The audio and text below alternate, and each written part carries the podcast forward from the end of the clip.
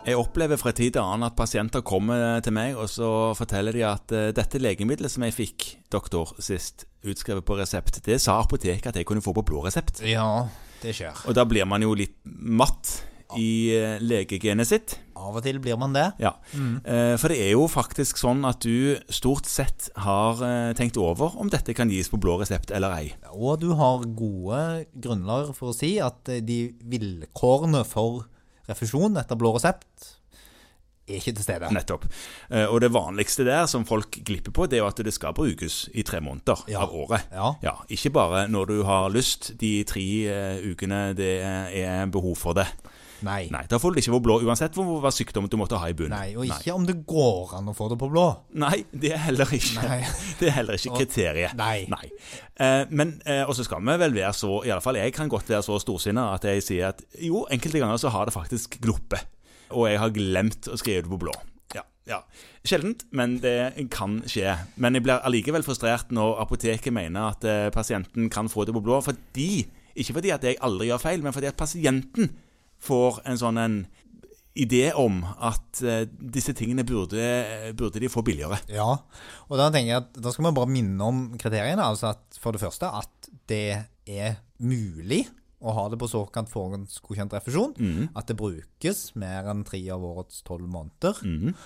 Og at det brukes til den indikasjonen som det er refusjonsberettiget for. Ja. Eh, nemlig så er det sånn at hvis du bruker medisiner for eksempel, utenfor den refusjonsberettigede bruken, som ikke nødvendigvis er den samme som indikasjonen for legemiddelet, Jaha. så får du det ikke på blå resept allikevel. Da faller det bort. Ja. Du er rett og slett ikke riktig syk.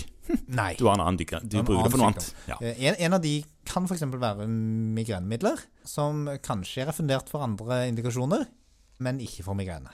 Det er sant. Men nå har vi rotet oss bitte litt grann bort i eh, fordi Det var jeg ikke egentlig- dette du ville snakke om. Nei, det jeg ville si noe om, det var disse refusjonsreglene som eh, man noen ganger sliter med å forholde seg til. Er de oppfylt, eller er de ikke oppfylt? Spesielt når det gjelder lungesykdommer.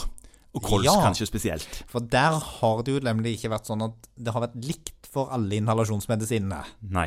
Og noen ganger skal det være sånn at du må ha prøvd dette først, og det først, og du må ha den og den lungefunksjonsparameteren oppfylt. Ja. Eh, og mm, noen har vel sett at i økende grad samsvarer ikke dette med verken nasjonale eller internasjonale retningslinjer.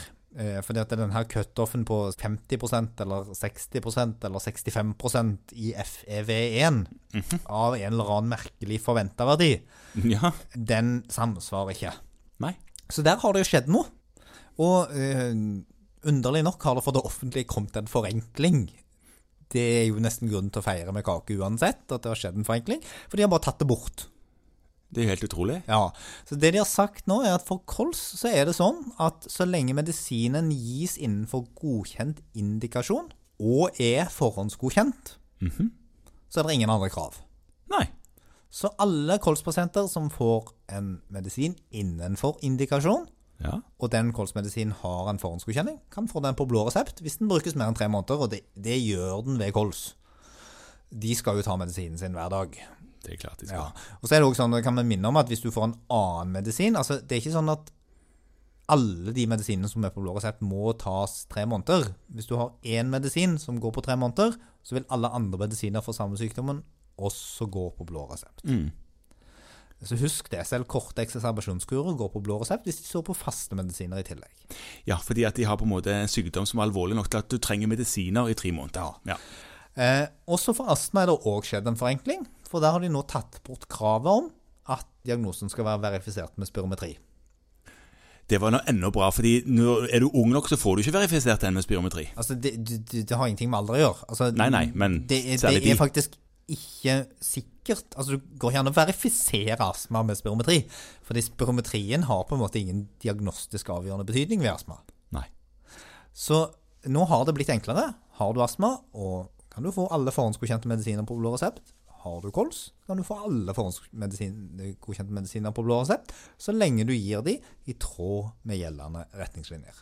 Så eh, en litt enklere hverdag plutselig når det gjelder akkurat det. Ja, det er jo fantastisk. Helt utrolig.